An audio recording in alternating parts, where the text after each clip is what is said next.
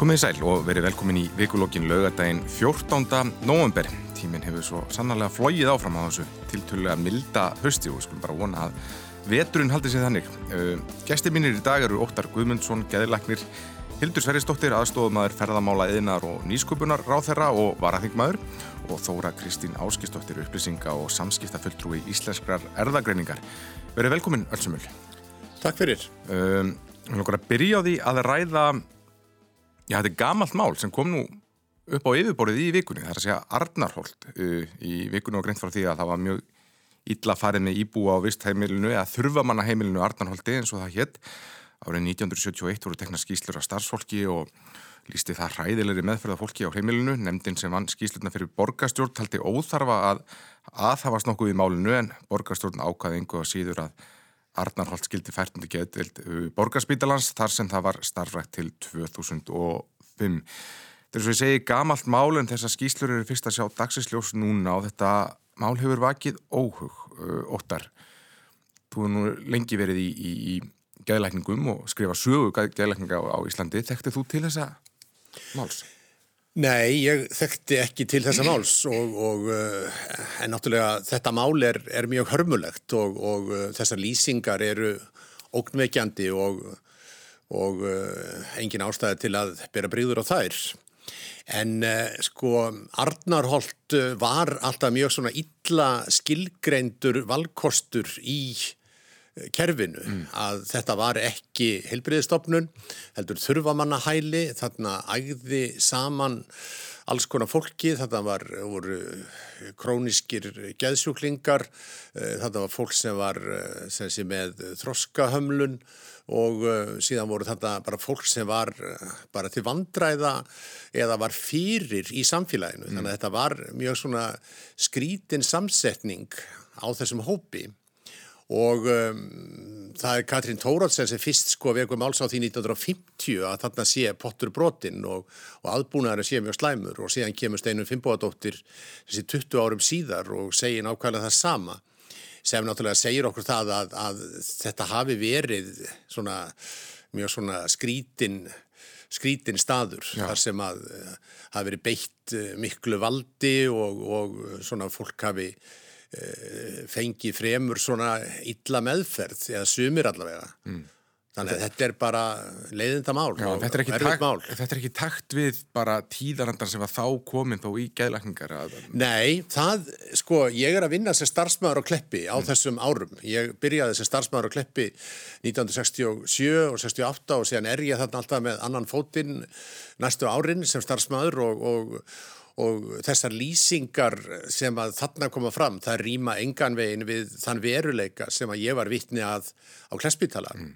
Enda náttúrulega var uh, Kleppur í sjálfu sér mjög skringilega stopnum þannig að þar var ekki beitt, uh, þar var ekki sama valdbeiting og til dæmis annar staðar á geðdildum í Evrópu. Helgi Tómasson hann let á 1930 að 31 þá let hann brenna allar ólar og spennitreyjur og því þannig að, að Kleppur hafði algjör að sérstöðu í Eh, meðal geðspítala í álfunni, mm. hvað þetta varðar. Þannig að ég kannast ekki við að, að þessa lýsingar að það er komið heim og saman við eh, þá reynslu sem ég hafði að klesspítala mm. á þessum árum. Mm. Um, það er þetta nefnd sem er skipuð, læknum sem taka viðtöl við, við uh, starfsfólk og það kemur hérna þessi hundraða sína skísla ár því það sem er verið að lýsa mjög bara hörmulur meðferð á, á fólki en samt sem á verið niðurstaðan svo að að, að hálfu nefndarinnar það er ekkert að bregðast þitt. Skildu það ekki svolítið skokku við? Ég, ég skilði það bara ekki. Ég skilði það ekki. Voru þetta? Þetta voru valinkunnir sóma menn og allt saman eh, gamlir kennarar mínir og, og, og hérna, menn sem að mátti ekki vamsitt vita og Og þetta voru ekki einhverjir takknýtingar íhalsins í borgarstjórn, alls ekki. Þetta voru Átni Björnsson, Lítalagnir, Gunnlaugur Snædal, Kvensutómalagnir og Haldur Steinsen sem var lengi livlagnir á, á landakoti. Þetta voru alls saman menn sem ég þekkti vel personlega. Þannig að ég efast ekki um, um hæfni þeirra eða til þess að, að uh, gera þessa skýslu. Þannig að Eh, þannig að mér kemur þetta aldrei óvart ja. að þeir skuli skrifa þessa skýslu sem þeir gera og hvort að...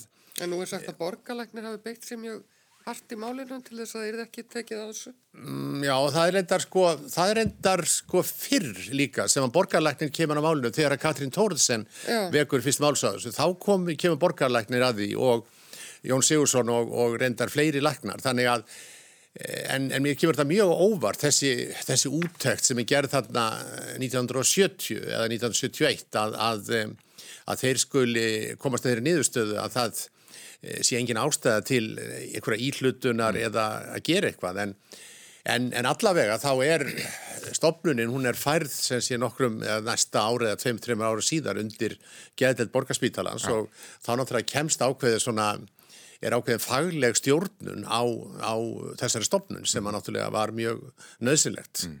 En var borgarleiknir yfirmaður Arnarholtz fram að því? Já, ég held það. Ég var að, eh, reyndar var að velta þessi fyrir minn morgun sko, en, en ég held að borgarleiknir hafa verið eh, Sko, þetta var, eh, þetta var eiginlega vist heimili eða þurfa linga heimili, hvað var þetta? Þurfa manna, þurfa manna heili. Þurfa manna heili á vegum sko, borgarinnar. Forstöðumæður heimili sem hafa kvartað til borgarleiknis og verið þakka niður í honum vegna þess að það hefur verið einhver, einhver yfirmaður hjúgrunnar sem hafi gengið mjög hardt frá. Jú, jú, ég hef hert það líka. En, en það þetta hafi allt saman verið þakka niður. Já, Af, já, það ég meina þarna dó fólk, það króknaði, var jú, jú, það var svelt, það var, þetta er mm, þetta, er mjög, þetta er mjög skrítið og þetta er eins og ég segi ekki í neinum takt við allavega þær geðlækningar sem þá voru stundadar á kleppi. Nei, nei, en, en það var þetta svo sem ekki, ekki eh, geðveikra hæli í þeim skilningi, en mér var svolítið þarna, ég veit, ég veit að það var kannski, það var bara, mér svona, ég, það, það skrapp út um mér hlátur þegar ég heyrði lesin ingangin á þessari frétt þegar hún kom fyrst vegna þess að þetta þessar lýsingar, þetta var svo mikið gamla Ísland þegar var verið að tala um að sko þurfa manna hæli já, já.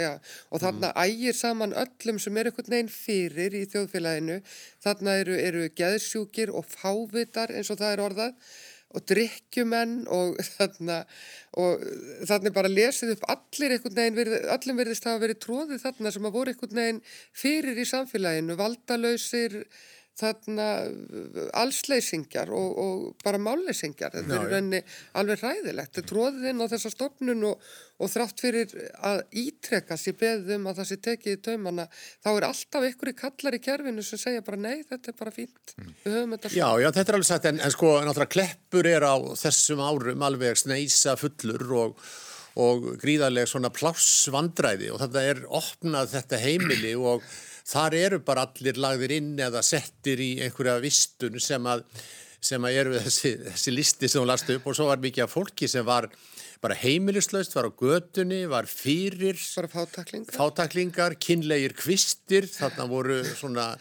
En þarna glotti bara gamla Ísland í þessari upptalningu sko, framann í mann. Það teiknast upp eitthvað minnstur að þetta er ennitt vist heimilið sem við hafa verið að sagða svo ótalfréttir að það sem, það sem svona, svona þreifst.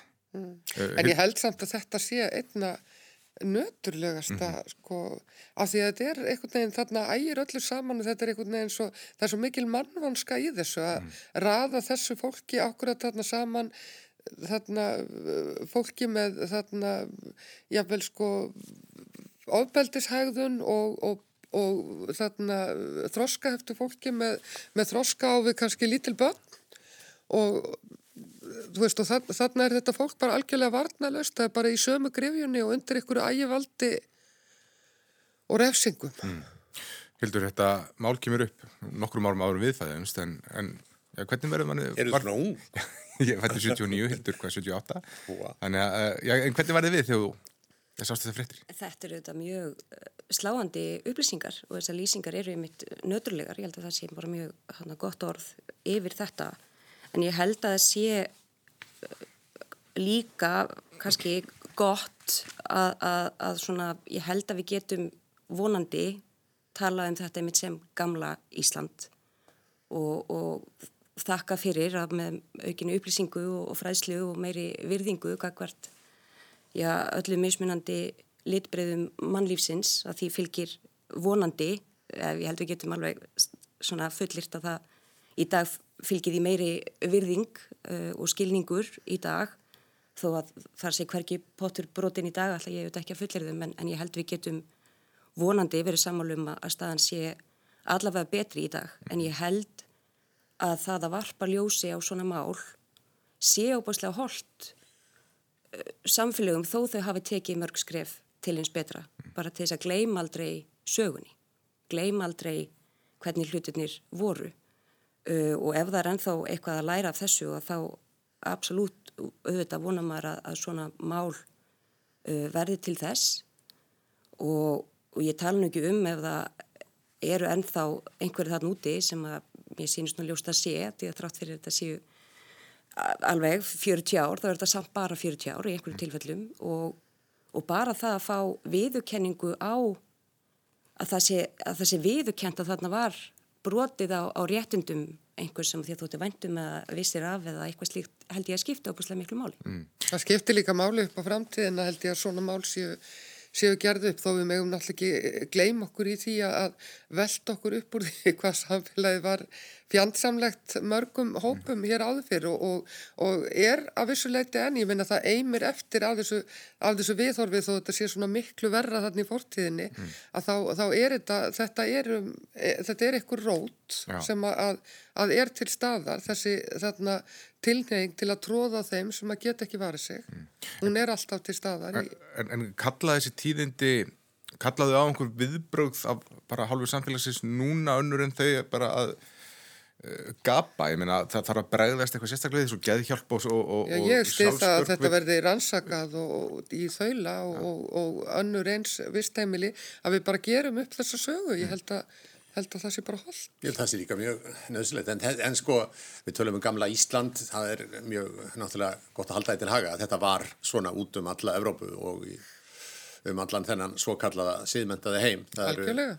Og ég hef búin að heimsækja mjög mörg svona hæli og á, í Þískalandi og Svíþjóð og Danmörku og víðar, þar sem að þetta var allstaðar þessi tilneying og þetta var daldið að, að svona losa þegar borgirnar fara að vaksa þá er að losa uh, borgirnar við svona það, þessi óæskilega einstaklinga sem að eru fyrir, sem að spilla hildarmyndinni mm. og uh, þarna voru alls konar eins og alkoholistar og þroskaheftir og, og bara fólk sem voru svona kynlegir kvistir mm. og þetta fólk var alls saman bara tekið og lokað inni á, á þartilgerðum stopnunum og uh, þannig að þetta var, var svona allserjar meinsemd í öllum þessum löndum. Mm. Hildur það, já var gerð útækt á vistimilum badna en, en það stendur út af vistimili það sem, sem uh, fullornir voru, voru hýstir. Fyrst er að, já, að ríkistöndin ætti að hlýðakalli sjálfsbarkar og, og, og geðhjálpar og bara ráðast í ítalega rannsókna og skipa nefnd og, og láta rannsaka þetta. Sko eins og ég segi, ég held að það sé alltaf til gags og ákveði réttlæti smál að, að, að taka bara með heiðarlega svona útækt og skoðun á því hvernig hlutirnir hér voru. Uh, en eins og óttar kemur hérna inn á að þá var þetta kannski ekkit sér íslenskt fyrirbriði, mm -hmm. þetta var bara því miður svolítið viðþorfið uh, og, og eitthvað sem að við bara sem samfélög út um allan heim höfum vonandi stíið þessi, þessi skrefi átt að aukinu upplýsingu og, og, og virðingu. Uh, og það er alltaf þetta jafnvægi á milli þess að, að reyna svona frekar að horfa fram á veginn og, og, hérna, og gera enn betur á, á morgun enn í gær mm -hmm. en til þess að gera enn betur á morgun og þá þurfum við að þekkja söguna og ef að slík úttækt aðstofi það þá, þá held ég að það seti gags mm. en, en, en hvað nákvæmlega kannski á að koma út úr því ætla ég svo sem kannski ekki að, að úttala um og, og kannski þekk ekki og hérna hef ekki alveg kannski um, svona hugsa það endilega út í, út í öll hot hvað það var þar mm. en, en þessu umræða fyrir samfélagið á morgun held ég að sé alltaf gagleg. Já, ég held að hún sé alveg gagleg þótt að þetta hafi verið eh, þarna alþjóðleg skýta framkoma við þá sem að minna mig að já, ég átti nú, átti nú alls ekki við að þarna, þetta væri neitt einstæmi á Íslandi. Nei. Nei. Uh, við okkur að fara yfir í aðra sálma, við okkur að tala um COVID og þess að grein Brynjars Níelssonar, þingmann sjálfstæðarsflokksinn sem hann skrifaði á, í vikunni á Vísi og kallaði Alræði. Þetta var gaggrinni á sótvarnaraðgerðir sem hann kallaði rauninni bara óskilvirkar alræðis aðgerðir sem settu blóðtappa í heilan á þjóðar líkamannum um, og hann kom inn á fleira hann og sagði að þeir sem dyrðust til þess að andæfa eða gaggrina þessar, þessar, þessar aðgerðir þeir séu smánaðir og gert lítið úr þeim og, og sagðist bara vera ánins sannfæranum það að Ísland og önnu ríki væri ekki að fara réttu leiðina í baróttunni gegn COVID. Þóra Kristinn, þú skrifaðir grein í stundina sem, sem svar við þessari grein Brynjas og Nei, nei, ég var ekki að svara på grein Brynjas Nei, en- og ég en- bara en- myndist á það, það, það var eitt í þessari grein Brynjas sem stakk mig, það var þessi, þetta dæmi um útgerðina vegna þess að sjálfstæðismenn ver- bera sko útgerðina bara eins og brjóstmylkinga framann á sér og, og þarna ef það er eitthvað stugga við útgerðinni, til dæmis ef að útgerðin má ekki senda fárveika menn út á sjó að veiða fisk þegar það er uppi grunur um, um COVID að, að þá sé það orðið eitthvað tilræði við mannréttindi. Ég er bara ekki þar. Mér finnst hins vegar þarna að, að Brynjar og Sigriður Andersen mér finnst allt í lægi að þau haldi uppi sínu andófi og það er svona food of thought, ég meina þetta er þarna, við erum vissulega út af COVID að ganga lengra í að skerða réttindi almennar borgara en áður hefur þekst. Við höfum hins vegar sko, við höfum ekki verið að, að skerða sko mannréttindi í þeim skilningi eða notfæra okkur þennan faraldur eins og dæmi er um til dæmis úr Östur-Evrópu þar sem að beinlinni sko er eftir að, að rekja einstakar lagasetninga þar sem að menn eru bara að notfæra sér ástandið til þess að, að sko klekja á borgurunum. Hér er verið að reyna að, að takast á við faraldur og, og fólk er að gera það eftir bestu vitund og þekkingu og, og með þau það verkvar í höndunum sem til eru. Við erum ekkert eiland, þetta er þarna uh, út um allan heim og við getum í rauninni ekki farið neina sérleiðir hér og það er eitt við gaggrinni Brynjas og Sýriða sem ég vil setja spurningamerki við. Hvað eru þau eiginlega að leggja til? Er ekki komin tími til að þau gangi bara reyndi vers og segi það? Hvað eru þau að leggja Já, til? hafa ekki stungið upp á til dæmis það að þeir sem eru í áhættu hópi að, að þeir séu stúkaðir af eða þau og, og Hver á að stúka þá af? Hver á að hugsa um þetta fólk? Ætla þau að dæma sagt þarna, eh, þetta fólk sem að þau hafa nú staðið fyrir ásand fleirum að, að, þarna, að fái sko lúsar laun fyrir sitt framlag til helbriðistjónustuna, til dæmis þessar umönnunastjættir sem eru lagst launuðustu stjættir í, í samfélaginu, eiga þær þá að missa öll mannréttindi meðan þessi faraldur gengur yfir, á að loka þá bara inn á stofnununum með þessu fólki og heldur þú einhversi tilbúin til þess? Það er engin einföld lausn á þessu. Ef að Brynjar og Sigriður eru að, að stinga upp á því að þessar svona að, að þe- þessir hópar sem eru veikasti fyrir að þeim verður bara fleikt fyrir ættarnistapa, þá eiga þau bara að koma fram og segja það.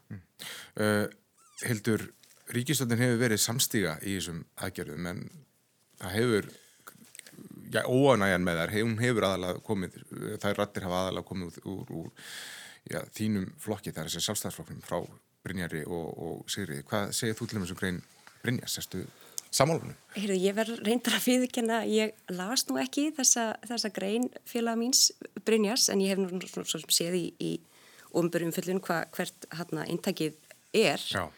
Uh, sko, hann auðvitað bara svarar fyrir, fyrir sína skoðanir sjálfur og, og, hérna, og ekkert nema gott um það að segja.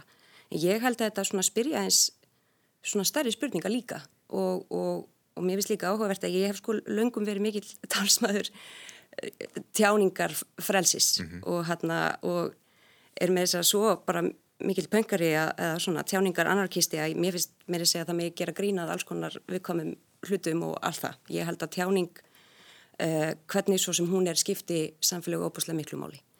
Og mér finnst þarna verið aðeins að taka á mjög stórum spurningum líka. Því að, að sko, mér er við þótt gaglegt í gegnum tíðina að reyna að hugsa reglukerfið eða hvernig, eftir hvað reglum við vinnum eftir út frá því að hvernig viljum við hafa reglunar ef vont fólk er við völd. Og ég held að við hér á landi höfum verið óbúslega farsæl í þessari vegferð. Við vorum þetta frábæra fagfólk okkar í, í þrýeginu, við vorum með, með ríkistjórn sem hefur verið samstíga um, í, í þessum, þessum aðgerðum að, að styðja við uh, þetta fagfólk og síðan grýpa það sem að snýra upp á ríkistjórnuna varðandi efnaðasástóð og, og það allt saman. Og ég held að það, sé, það er okkar gæfa í þessu. En það breytir því ekki að það er algjörlega eðlileg umræða og bara nöðsynleg finnst mér að þegar vera kannski að varpa bara ljósi á að það er það eru hlutir í sóknandalögjöfunni sem kannski standast ekkit alveg mm. og það er bara algjörlega sjálfsagt að eins að velta upp eins og til dæmis eins og gerðist þegar uh, þegar varu skoðar kortafæslur mm. af einum bar uh, personavend kemur fram og segir já það, eru, það er heimildi í, í sóknandalögum til þess mm. ok, en kallaði þetta atvika á algjöra brína nöðsinn þess að skoða kortafæslur ég ætla ekki að vera dómar í því en mér finnst algjörlega sjálfsagt að þessu umræða sé tekinn og, og mun bara efla okkur sem samfélag mm. og, og, og eins og Þórólfur sjálfur hefur sagt allan tíman að hann fagnar allir, allir í gagni. Þannig að ég held að, að þetta samspil sé bara farsælt og, og veldi, land, eð, veist, veldi því að við sem bara fara að gera enn betur ef eitthvað er. Já, það er eiginlega svona þingminn og öllu flokkur sem eru sammála því að, að það meir ræða, ræða sótund á laugin og hversu, hversu mikil þörfur á endur nýja þau og, og þess að þetta Brynjar er bara að segja að sótundan aðgerðunar sem slíkar núna séu bara valda meiri skada heldur en er að gera gagn. Ég held að það sé algjörlega nöðsynlegt líka að ræða alls konar vondar afleggingar af því sem að þessar aðgerður hafa líka valdi. Mm -hmm. Ég held að það sé bara réttlændismál fyrir, fyrir þá sem að eru að verða fyrir barðin og því. Við veitum til dæmis að heimilisofbildi hefur aukist. Það er eitthvað sem er bara okkar hlutverk að benda á og vera alltaf að vega og meta. En það er algjörlega rétt, en hvað er verið að leggja til? Þú verður að spyrja þau að því, ég, ég get ekki kannski... Nei, minna, er, við erum öll sammálum það að þetta er neikvægt og við erum öll hundleið á COVID og vildum helst vera laus við það og, og En hvað er verið nákvæmlega að leggja til að við gerum? Hvernig á að, hvernig á að takla þetta? En verður við vörfið það bara innan þínus flokks að það sé kræmandi ónægja með þetta? Ég, kannski, ég, ég meni, já, það er alveg augljóst að það sé einhvers konar óanægja með það, þú veist, að vilja fá kannski þú skýrar í svör og, og maður finnur alveg á, á, á sjálfum sér líka að, að, að þú veist, að ég vil hann tala fyrir mig að það mm -hmm. auðvitað þegar maður líka kannaðins meira inn á þetta smán saman og maður svona spyr sjálf og segir svona ok, er kannski eitthvað pínu ósamarum í þessu eða okkur var þetta við með svona eða hins einin ég held að, að, að heilt yfir mm. og, og ég menn eins og í ríkistjórninni þá er þá er verið að stíga þessi skref sameinlega, ég til okkur hafi farnast ágætlega, það er ekkit kannski fullkomið, mannan að verk að hafa alltaf einhver, einhver, einhver að galla.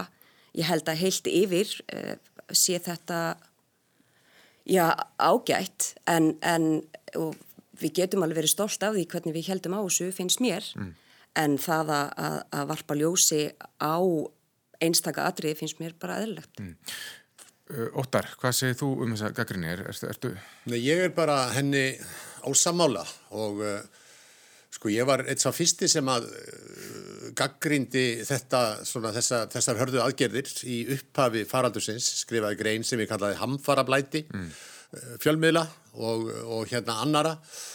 En eftir því sem að hefur liðið á þessa pest og ég hef átt að með á því hversu alvarleg hún er og hversu alvarlega fólk veikist hvað fólk verður en orður veikt að þetta er ekkit venjuleg influensa, þetta er mjög alvarleg veiki og fólk verður mjög veikt og, og það eru eftirköst af þessu sem enginn sér í raun fyrir endan á ennþá. Hver verða? Þannig að ég er alveg á því að það er að beita uh, mjög svona kröftugum aðgerðum til þess að koma í vekk fyrir smitt. Mm. Þannig að þú bara skiptir um skoðun? Já, já, ég skiptir um skoðun. Ég er bara, ég gerir það mjög oft mm. að skiptir um skoðun. ég svona fór fram með miklu offorsi og, og gaggrindi þessar aðgerðir en, en ég er alveg á því núna að það eigi að vera harðar sóttvarnar aðgerðir og það er einn að koma í vekk fyrir smitt, það er eina allt sem að hægt er. En svo má náttúrulega deila um ákveðin útfærsluatriði, það er mjög þýðingamikið til dæmis að, að framhaldsskólanir að þeir fungeri að mm.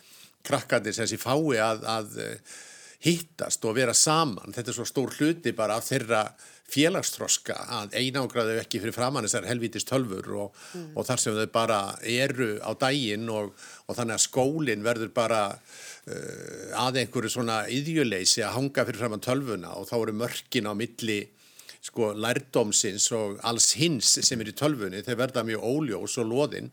Þess að mér skiptar óslega miklu máli að finna einhverja útfærslu fyrir framhaldsskólana, að krakkandin geti komið í skólan, hvernig sem það, svo sem það er gert. Mm.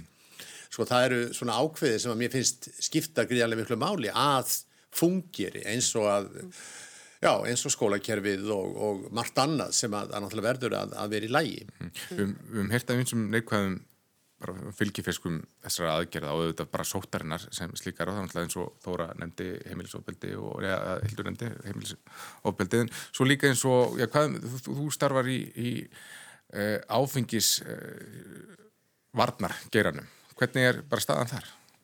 Ég, já, ég er nú lunga hættur að starfi áfengisvartarkiranum en, en sko ég held að uh, þetta hafi náttúrulega þýtt aukinn drikkjuskap og sem síðan endur speiklast náttúrulega í, í þessu heimilsofbeldi. Ég held að heimilsofbeldi sé hluti af aukinni drikju og, og sem náttúrulega fylgir í kjölfar þess að, að, að uh, vera svona fólk er einangrað og leiðist og, og þýnlít að þá ekst drikjan þannig að, að það er svona einn af þessu neikvæðu neikvæðu afleiðingum af, af faraldrinum í sjálfu sér. Mm. Það er heimilisofbeldi, aukinn drikja og aukinn svona slík vandamál. Þannig að það er, það sér maður. En, mm. en náttúrulega innan geð, geirans þá sér maður náttúrulega bara að fólk er orðið mjög leitt og þreytt og náttúrulega sko það að lifa eh, á þessum COVID-tímum, það er að lifa undir stöður í ókn og stöðu og stressi og og fólk svona reyndi fyrst svona afneita þessu og láta eins og ekkert væri en svo smá saman þá rennur það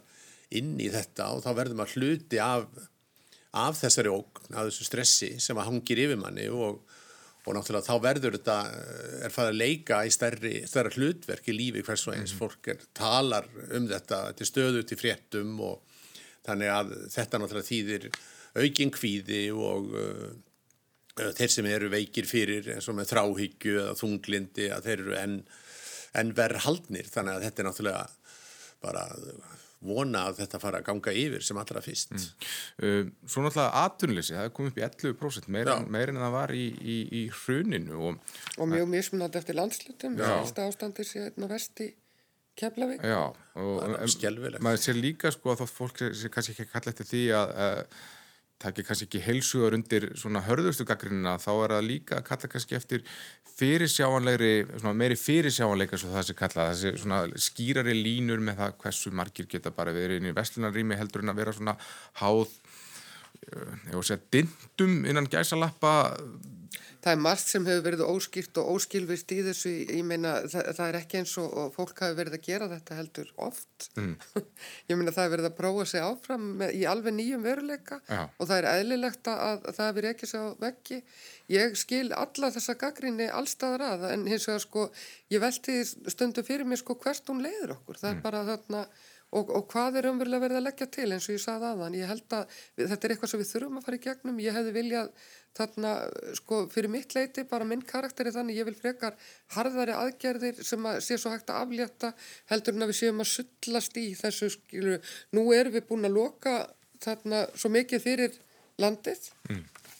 að þarna við eigum að geta náð smitum hérna niður, þannig að við getum lifað til tölu ellu lífi í landinu og ég hefði viljað bara að við sagt, færum bara í, ég hefði viljað að við hefðum farið þegar þessi faraldur, núna þessi þrýðabilgja hófst að við hefðum farið strax í hardari aðgerðir og náð þessu, þessu niður í staðan fyrir að vera sullast í þessu. Það er ósköp eðlilegt að það sé komin mikil þreyt í fólk, mm. en það er munur á því að sko nöldra yfir afleðingunum af þessu sem er að hitta okkur öll fyrir en mjög misjaflega. Margir eru eins og við vorum að nefna, sko, það eru mörg heimili til dæmis á söðunesum þar sem báðir hafa mist vinnuna þar sem fólk var að vinna í ferðarþjónustu. Þetta er fólk sem horfið fram á sko algjörlega nýjan veruleika og geti jáfnvel mist heimili sín og, og, og, þarna, og þetta fólk á ofsalega bátt. Mm. Uh, Hildur, það standar náttúrulega líka vissuleiti öll spjóta á, á þínu ráðunetti sem hefur með ferðarþjónustuna eðinnað og atvinnum ála miklu leiti á sinni konu. Eru það samrýmanleg markmið að halda, að sé hægt að halda verinu niðri en opna meira heldur en gert hefur verið? Já, ég meina þetta eru þetta búin að vera þessi líkil spurning í raunni allan tíman. Þú veist þetta, hvernig maður finnur þetta jafnvægi og, og ég tek alveg undir það að það hefði verið æskilegra að það væri aðeins meiri, svona, meiri fyrirsjónleiki, meiri svona framtíðasín, það sem að, að til dæmis allir þessi aðlar gætu betur átt að segja á hvað var í vændum og gert eh, plön þar að lútandi og allt það. Mm. Og það er eins og í ferðarþjónustunni, þetta eru þetta graf alvarleg staða og, og, og margir sem eiga um mjög sárt að binda út af þessari stöðu og þó að ríkistofnum vissulega sé að reyna að gera það sem hún getur til að halda einhverju svona lámarks já, svona starfsemi innan gæslappa sem við getum orðað þannig til þess að, að viðspilnan verði öblúri þegar þú veist, það er, það er hægt að, að hafa einhvers konar viðspilnu, ég held að það sé mjög skynsalegt og ég held að það aðstóði en það auðvitað er ákveði vandamál sko því að svona, við verðum svolítið glöðall í sumar, þetta gekk svo vel hjá okkur mm -hmm. og þá var það að tala um í rauninni þetta vei, veiru fría samfélagi sem við getum rauninni bara látið eins og ekkert hafi gæst sem að var kannski öllítil útópía. Og þráttur að Þórulu varurinn alltaf að segja að það myndi ekki ganga upp en samt kannski fóri við öll ósátt pínu að hafa okkur þannig og hafa Mhm. þannig væntingar. Og, þannig, og þetta flækir svolítið, svolítið stöðuna. Og það sem að er ákveði vandamál er að í með þennan fyrirsjáleika til framtíðar að þá er eins og Þóra kom inn að við erum ekki eiland í þessu. Og við sjáum veiruna í rauninni háls stjórnlusa bara allt í, allt í kringum okkur. Þannig að það sem við gerum hefur vissulega áhrif en hefur er alltaf í þessu samhengi líka sem við höfum takmarkaða stjórn á eins og svo sem allir vita.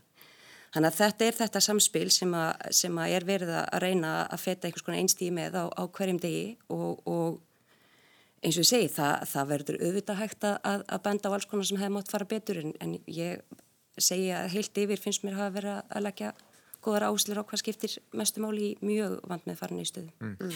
En túrismin í heiminum er náttúrulega, eða liggur niðri, það er, maður er að heyra fréttir af, af frá Tælandi og víðar sem að Gríklandi og löndum sem að reyða sig á tekjur og túrismannum, mm. þar er bara allt í kalda kóli, massa atvinnuleysi og gríðarlega mikil neyð, þannig að þetta er bara, við náttúrulega erum bara, þetta er nákvæmlega sömu lögmál sem gilda hér og annar staðar að, að og það er kannski að, að þessar sóttvarnar aðgerðir hafa ef eitthvað er verið frekar mildari hér en, en, en í nágrannlöndunum. Mm. Það er nefnilega málið. Það, við höfum ekki gengið, menn ættu til dæmis að, að líta til Noregs þegar þeir eru að gaggrina sóttvarnar yfirvöld hér. Normenn hafa verið sko grjótharðir frá byrjun. Það er útgöngubann víða og alls konar sko sem við höfum ekki sko fengið að reyna hér. Nei. Nei, ég tek undir þetta og ég held að við hérna, þó að ég ætla alls ekki að gera lítið úr uh, því að hvað margir upplifa mikla skerðingu í talningum eins og fyrir framhálskólanemundur og háskólanema þá er þetta óbúslegt yngripp og hérna en, En kannski heilt yfir samt eru við búin að vera í svona aðeins vægara, vægari útgáfum svo má segja en, en, en sko maður samt líka nefna og svo samt ekki. Ég meina það að veitingastæri að loka kljóða nýju og með bara tíu verið inni hvað er það annað en ígildi lókunar í rauninni sko. þannig að maður heldur ekki kannski þú við notum orður, önnur orð gera lítið úr kannski hver samt raunverulega staðan er Já. En, það, en svo, svo komið mitt hins sjónamiðin að, að, skoðanakönnun fyrir einu tömum mánuðin sem síndi að það var bara 40% sem vildu ennharðar aðgerðir og þess að þannig að, að, að það er greinlega verið að, að, að fara bil begja. En mér langaði að nefna sko varandi til við svo með atvinnuleysi sko og talandi um COVID-þreitu og ég held að hún taki á sig margar myndir. Það, þú veist, eitt eru sótvarnar aðgerðarnar og allir hafa á þeim skoðum sem er nú bara, segi það einu sinni enn, bara merkjum heilbritt samfélag, finnst mér, að hafa á því skoðun. En sko, ég verð að segja, ég nautum frétt í, í vikunni sem ég var mjög hugsið yfir. Þannig að núna erum við að horfa framann í þessa stöðu með þessu gífurlega atvinnuleysi og, og björgunar aðgerðir upp á, upp á miljarda sem að mun vera okkur erfitt næstu árin en, en setjum það til hliðar og tölum um að setja fólk sem er hérna að missa vinnuna og veit bara einlagt ekki hvernig lífið minn líti út. Að á meðan, ég verða eins að fá að nefna þetta, er ríkisfyrirtæki sem heitir Vínbúðunar mm. með einogunarstarfsemi á áfengisölu sem hefur í gegnum öll ár, til dæmis verið á móti og öllum þeim frumvarpum varandi að gera þá þráverslun frjálsari, uh, annars verið í, í búðunum og svo núna er auðvitað frumvarp dónsmannráðfram um, um netverslun og áfengi. Uh, Vínbúðunar hafa almennt verið á móti því frumvarpi og gott að blessa með það. Þau eru með þessa einokun og þessari löglugu vöru. Þau fá bónusa frá ríkisfyrirtækinu út af álægi vegna COVID. Og mér finnst þetta vera ábyrða hluti sem að mér finnst að ríkisfyrirtæki ekki að ganga fram þessum hætti í þessum aðstæðum. Mér finnst þetta bara frekar kaldar hverjur út í samfélagi þar sem að við erum einhvern veginn annars vegar alltaf að segja við sem öll saman í, í þessu liði. Ég ætla ekki að gera lítið úr því að margir hjá hann og ofinberið ekki flestir, auðvitað er búið að vera alls konar ála og þarf að hugsa hlutin upp og nýtt og alltaf, ég ætla ekki að gera lítið úr því. Mm. Fáðu bónus át á aukin áfengis? Það var, já, það var hérna með fyrirvar um að ég sá þetta í fréttum en, en hérna, já, þau fengu, þú veist, það eru 500 mann sem starfa hjá vinnbúinum um helmingurinn í förstastarfi og svo helmingurinn í, í hlutastarfi og þau fengu gjöf og gefakort og hótelgistingu og orlofstag og eitthvað og ég, hérna, ég ætla ekki að gera lítið úr því að vilja vera með góða starfsmannastjórn gagvart sínum, sínum starfsmennum sem eru allar að gera sitt besta. En þetta, mér varst, ég, ég nautum þetta sem ég vist þetta ekki. En var talað um að þetta væri vegna aukinni áfengisölu á COVID vegna aukins álags út á COVID, já. Já, ok. Nú, í- hendur við kannski segja, auk, aukna neyslu með og fylgja fiskum hennar eins og við komum inn á Já, það er, þetta er aldrei skrítið en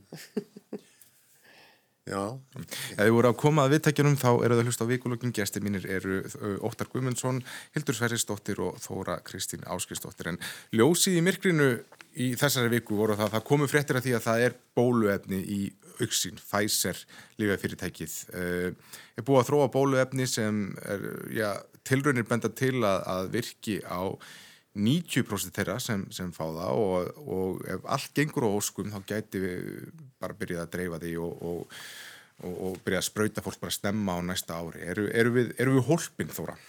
Já, nú veit ég ekki. Þú eru að spyrja einhvern annan en mig. En þetta eru vissulega jákvæða fréttir og maður bara gleðst eins og allir yfir þessu. Að sé, e- þetta er náttúrulega ljós í myrkrinu þannig að sjáum við hylla undir e- einhvers konar að, að þessu gæti farið að ljúka. Þó það verði kannski ekki, að það taki eitthvað tíma að koma þessu bóluefni í dreifingu. Þetta eru risa tíðindi en maður sér samt að fólk það er þetta svona tempraði gagvart, gagvart þessu, svona, og þóringin að, að svona trúa þessu. Nei, nei, þetta eru bara alveg ábúrslega góð tíðindi og, og þarna vonandi bara að það, þetta gangi rætt og vel. Mm.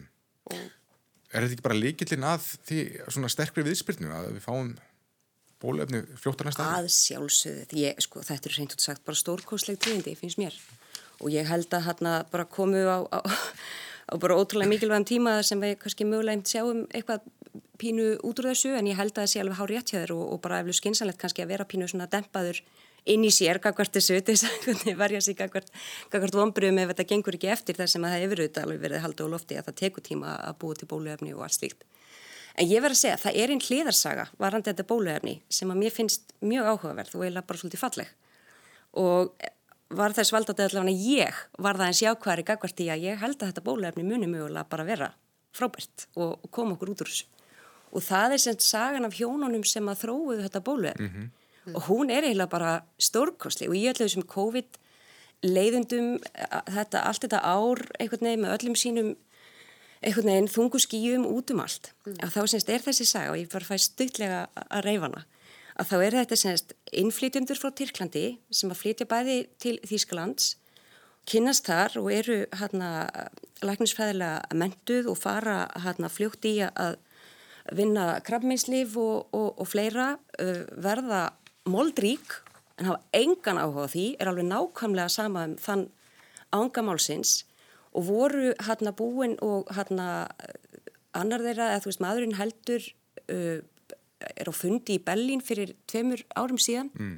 og einhverju ráðstöfnið sem hann er að, að útskýra einhverja nýja leið, ég kann ekki alveg kannski fræðilega að útskýra þetta nákvæmlega en útskýra einhverju svona leið sem að þú veist það sem þetta til dæmis það að búa til bólefni ef heimsfæraldur kemur til að það myndi taka miklu skemmri tíma. Mm.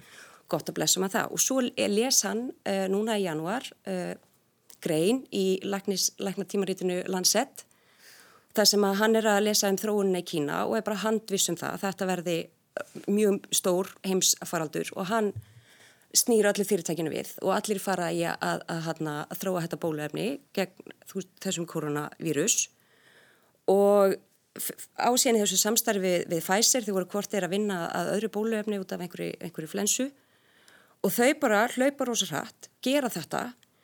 Og hérna þú veist þessi innflytjenda hjón þessi moldríku einhvern veginn eru bara algjörlega þarna fyrir vísindin og ekkert annað, þú veist þau ekki einu svona bíl, þau bara hjóla í vinnuna. Þau fóru eftir brúkupsvisluna sína bara strax aftur á, á, á, á, á rannsóknarstofuna til þess að halda áfram að vinna. Og mér finnst eitthvað við þessa sögu svo dásamlega fallegt. Þetta er náttúrulega önnur kynnslóð svona... innflytjanda í, í Þýskalandi, Já. þetta er sem spörd farandverka fólks Já.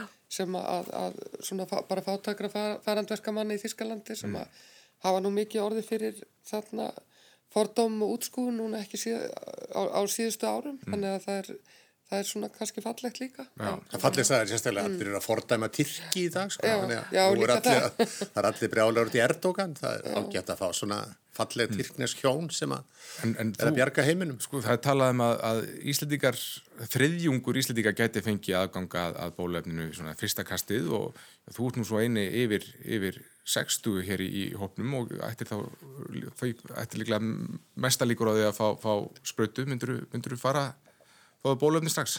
Já, allir það ekki, það stæði til var nú að gera það. Þó ég var alltaf, eh, allir þessi ár sem ég vann á spítalum, þá var ég nú alltaf óskaplega hiskin við að fá þessar influensu bólusetningar. Ég held ég að fengi það bara einu sinni á öllum, öll þessi ár, Já. þegar ég átti að fá það árlega. Þannig að, þannig að nú bara gerum að braga bót og fer í bólusetningu að það stendur til búða. um, Við langar að fara aðeins, já við erum ennþá á í, já, í COVID-tengt, það í gær þá var byrst útækt af því hvað fór úrskeiðis þegar uppkom hópsíking á landakötu á dögunum og dróða minnst að kosti tíl döða. Það var mikil dreifing og það var engin ein orsök að þessu en þessu hefur líst sem svona fullkomnum stormi, ófullnægjandi húsnæði, óviðunandi, aðbúnaði sjúklinga, starfsmenn fórumöldi deilda og engin loftræsting. Uh, þetta er sagt Þetta eru náttúrulega niðurstöðunar úr skýslu já, spítalans. já, já, og þetta er bara alvarlegasta, sagt alvarlegasta atveki sem hefur komið uh, upp í sögu spítalans. Já. En það er náttúrulega þarna ímislegt í þessu. Það, landspítalinn gæti náttúrulega ekki búist við því að, að það væri e- ekki hægt á því að það færi smitt þarna inn á landakotna. Mhm. Því að þarna kom, kemur náttúrulega fjöldi aðstandenda og þarna vinnur líka fjöldi fólks og, og þetta er náttúrulega fólk sem á fjölskyldur og, og sitt lífi utan vinnunar. Það er náttúrulega ekki algjöru einangrun. Þannig að, að það kemur manna óvart að, að þetta skuli ekki hafa verið hólfaskipt að spítalinn hafi í rauninni á einhverjum tímapunkti ákveðið að, að það væri ekki hægt Var en skýringin á þess að það væri upp á borðinu. Það var ekki skýringin bara svo að það var ekki til mannskapur í það. Já, það væri ekki til mannskapur og húsnæði væri byggð Húsnæðið er upp á það. náttúrulega algjörlega, sko, þetta er náttúrulega gamalt húsnæði sem búið er að breyta og En það hefði náttúrulega óttar átt að vera upp á borðinu. Jú, jú, ég held að það hafi verið alltaf en það er svo margt sem að er ekki hægt að breyta í svona gömlu húsnæði eins og, Nei, nei. Eins og þessi En maður örfáu- held samt sem áður að þarna væri verið að fylgja reglum um sóttólf, það var ekki verið að því. Það verðist líka hafa verið pottubrótin þegar smittu kemur upp að fólki væri gert viðvart Já, já, um sóttkví. já, já. þeim sem hafðu komið að verið í tengslum við smittað inn á spítalanum. Svo þriðja að það skildu hafa verið sendið sjú- sjúklingar yfir á önnur heimili sem að, að eftir að smiti kom upp á þess að þeir væri skimmaðir. Þetta finnst manni vera skrítið.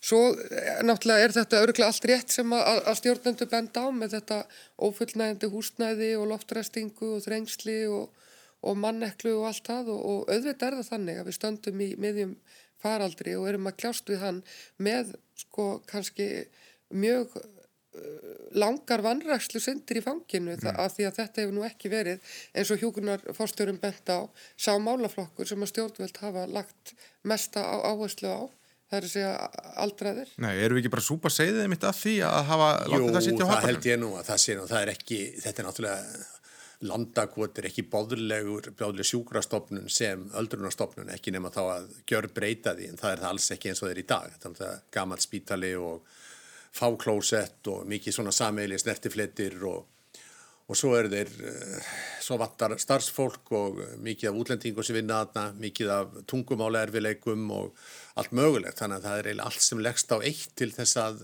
gera þetta mjög erfitt bónusarnir á COVID-tímanum hefur kannski frekar átt að fara til starfsmann Já. heldur en starfsmann átífa fer En, það er mjög lítið um bónusa á landsbytalum, skal ég segja. það er Þetta er að hafa unnið þar allt mitt líf. Það voru nú Já, álags... til það að er, en það er lítið um bónusa, sko. en, en það er búið að tala um þetta árum saman að fjölga Já, já. hjúgrunarýmum og, og, hérna, og laga þennan málaflokk sem hefur bara ekki gerst og Já, ég held að sko það er, uh, það var gerður mjög hérna, mikill skurkur í þegar Kristján Þór Júliusson var heilbríðsáþra að fjölga hjúkunarímum og, og þá var einmitt sett að, hérna, af, af stað þetta með spítalan. Ég held að það sé bara algjörlega augljóst að það bara, það er, þetta er ekki, þetta er ekki nógu gott uh, og húsnæðismálinn hjá spítalanum. Þannig að, að ég held að það, þetta eitt og sér undistriki það þó að ég tek kannski undir að það, að það, það verðist vera sem að þarna eru líka einhvers konar líka mannleg mistök sem eiga sér stað þarna á, á landakoti þó að ég ætla kannski mér ekki vera dómar í því og núna fær landlagnir það ég hendur að gera svona ytri úttekt á, á því hvað þarna gerðist nákvæmlega. En, en sko það eru þetta verið að setja gífurlega fjármunni í heilbreyðskerfið á Íslandi og ég held að það sé einhverndi gags að tala eins og svo sé ekki. En, en hvernig nákvæmlega maður heldur utanum strúkturn og því er algjörlega sjálfsagt að fara, fara betur yfir og, og þar eru náttúrulega veist, við, vitum, við vitum af því að það eru tímis engaðalar sem eru búin að bjóða það að, að taka aðeins þungan af þessu uh, mér skilst að það sé verið að skoða þó beðinina ráðanetsins og, og Já, ég allan að bara persónlega er á þeirri skoðun að ég vona að þeirri beðinni verði vel tekið, mm. að það sé verið að nýta krafta enga framtagsins þegar það er hægt uh, og allir sjúklingar ganga þar jafnir að, að sinni þjónustu algjörlega bussi frá efnum eða, eða öðru og, og, og það að, að allir geta verið svona fókusir á forgrámsaða sem þeir gera best uh, til þess að þetta allt kerfið í heild virkið sem best fyrir sjúklinga held ég að sé bara nöðsulegt. Mm. Óttar, er ástæðan fyrir því að þetta hefur sittið svo lengi á hakanum, er ástæðan svo að okkur er bara sama um gammalt fólk? Nei, það held ég nú ekki, ég held að fólki sé, sé nú, en það, þessi málaflokkur hefur verið vannræktur og uh, það hefur verið svona náttúrulega mjög uh, skrítið kerfi, það hefur verið svona treystaldið á enga framtækið og uh, það hefur verið reist þessi elliheimili, síðan hefur náttúrulega verið þessi gjörbreyttar áherslur eins og í öldrunumálunum og, og einhvern veginn þessi málaflokkur hann hefur svona, já hann hefur settið á haganum og, og ekki verið sint nægilega vel mm. og, og einhvern veginn hann hefur lent aldrei á milli sko, lent bara milli sem sé ríkisins annarsvegar og svo enga framtagsins og og uh, þannig að þetta er svona þetta er mjög flókið, flókin mm. málaflokkur og, og, en ég er alveg sammála því að það er náttúrulega verið að gera mjög margt í helbyrðiskerfin í dag og það verið að byggja alveg upp nýja landsbytala sem var lungu orðið tímabært þannig að ég held að maður er nú að meta það líka mm. Uh, Þóra nú býða engaðilar bara á hliðalínunni nánast að segja að við getum tekið við uh, sjúklingum, við getum, við getum veitt hjúgrunarými hér og hér fleiri neitt fyrirtæki og ættu, ættu stjórnvöld að grípa þetta feginn sendi Ég veit ekki, ég hef ekki séð þetta Hva, hvað, hvað eru þeir að bjóða? Hvað kostar að, að versla við er þetta ekki klíningin til dæmis? Mm -hmm. Sko þeir eru náttúrulega bjóða, bjóðast að taka, sko það er náttúrulega, þeir eru að bjóðast að taka þessar valkvæðu aðgerðir sem mm. að spítalinn tekur ekki að sér núna og taka þær þá yfir svo að spítalinn getur einbeitt sér að þessari, þessu neyðarástandi. Ég meina það er náttúrulega sjálfsagt að skoða allt í neyðarástandi og ég meina bæði það sem hægt er að bjóða til þess að, að létta álæginu til dæmis að landakoti og líka þessar valkvæða aðgerðir en ég meina en það verður að, að, skoða þetta í samhengi við það sem að verður að veita líka inn í, í ofinbærakerfið mm -hmm. það má mhm. ekki hlaupa á lausnir sem eru kannski eitthvað ábóðslega úr takti við það sem við erum að, að gera mm. er það? En eins og ég segi, ég hef ekki séð í rauninni hvað hefur verið að bjóða, ég hef bara ekki fylst með því en Ég er vissum að, að, að það verður skoða. Þetta er bara almenn hjúgrunur í mig og eru bara á, á hjúgrunur heimilum sem myndi þá kannski leysa þennan fráflæðisvanda sem, sem, mm. sem hefur rættum. Var svo sniðugt að það var einhver maður, hver var það, sem var að skrifa um þessa orðanotkun inn í þarna, og hann væri sjálfur þessi fráflæðisvandi, þannig að hann væri í rauninni þarna svona bara arða í pípulögninni mm -hmm. sem að mhm. stiplaði Það er góð skilgreining á svona öldruðu fólki að það er fráflæðisvandi. Fráflæðisvandi. En, sjá... en það er sérst klíningin alltaf að taka fráflæðisvandan. Það er okkar. Nei, ég held að þeir eru ekki að taka fráflæðisvandan. Ég held að þeir alltaf eru að leysa einhver önnur vandamál en, mm. en svo alltaf verið að bjóða alls konar húsnaði. Ég held að alltaf hótel sem að vilja hlaupa núna á, á, á það að reyna að, að bjóða hótelrými fyrir, fyrir sjúkrastofnanir. Þannig að það er... Mm En það er náttúrulega mannskap sko líka já, í þetta. Já, það er mannskap í þetta og það er eitthvað til að hjúkra þessu fólki. Já, þetta er ekki alveg einfalt mál en mér finnst sjálfsagt að hljóta að vera að skoða þar alla leiðir mm. í þessu ástandi. Mér mm. gefur mér það. Já, ég tekundi það að maður auðvitað vonar það og ég held að það væri mjög æskilegt. En, en svo er það líka þetta með orðin, aðflæðisvandin og fráflæðisvandin og, og, og svona og hérna ég held ofta að það væri gaglegra að nota aðeins svona, svona maður myndi tala aðeins geta nota orð sem að lýsa aðeins betur mm -hmm. hvað þetta er, svo líka bara svo kerfi virkar eitthvað svo kallt í allra þessari umræðu en partur af því líka er sem ég held að sé öllítið að flækjast fyrir þessari umræðu er þetta orðið enga og var, maður hefur fundið fyrir því að, að það er svona miskilningur um til dæmis hvað er enga rekstur og hvað er enga væðing. Uh, það er um marganhátt kannski miskilningur um sko hvað, hvað þýðir það að vera með enga rekstur og, og til dæmis svo staðrend að þegar þú ert sjúklingur nátt þú ekkit endilega að finna fyrir því, þú ert með samningu sjúkratryggingar og annað. Þetta sem miklu freka verið að horfa á kerfið í heilda hver gerir hvað best á sem hafkommastan hátt til þess að þessi minni byggð fyrir sjúklinga, meira val fyrir sjúklinga. Það er það sem að engarekstur snýst um að mörgu leiti. En ég held að þetta orðið enga flækist fyrir og ég hef að mörgu leiti skilning á því. En ég held að með öll, öll, öll, alla, alla orðnótkun varandi þannig mjög viðkama máluflokk og ég var nú að lega mig fyrir að segja, ég meina fjárlegum næsta ást þá er útgjöld til heilbyrðismálar eitt fjörði af útgjöldum ríkisins.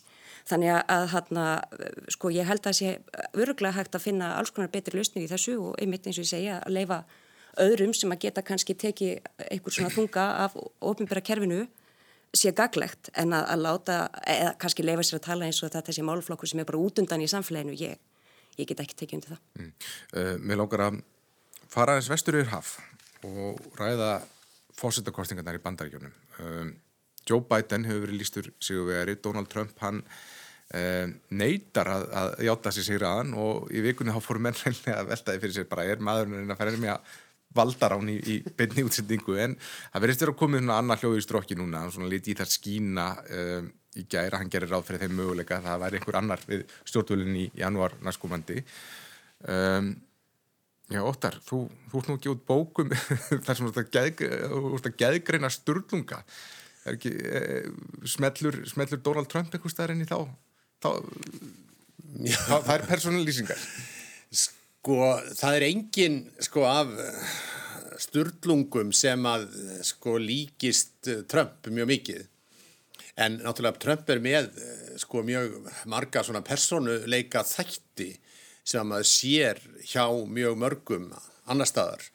Og hann er náttúrulega mjög svona narsisistískur maður, algjörlega upptekinn af sjálfum sér og, og svona hver er ég og, og svona láta ljósi skína á sig og standa í sviðsljósinu og skína þar og það eru náttúrulega ákveðni styrlungar sem eru mjög narsisistískir sko, eins og frendi minn Sturla Sigvardsson, mm. hann er mjög narsisistískur sko, þannig að, að þýleiti til eru þeir líkir sko, Sturla og, og Trump að þeir eru svona miklu narsisistar. En svo er náttúrulega þessi, sko, þessi tilneying Trumps að hagraða sannleikanum sko, að hann, hann svona er með þennan sannleika sem að e, hann býr sér til sin eigin sannleika og, og séðan bara heldur hann í hann en hann getur síðan sleppt honum og farið í annan sannleika bara eftir í næstu ræðu. Mm.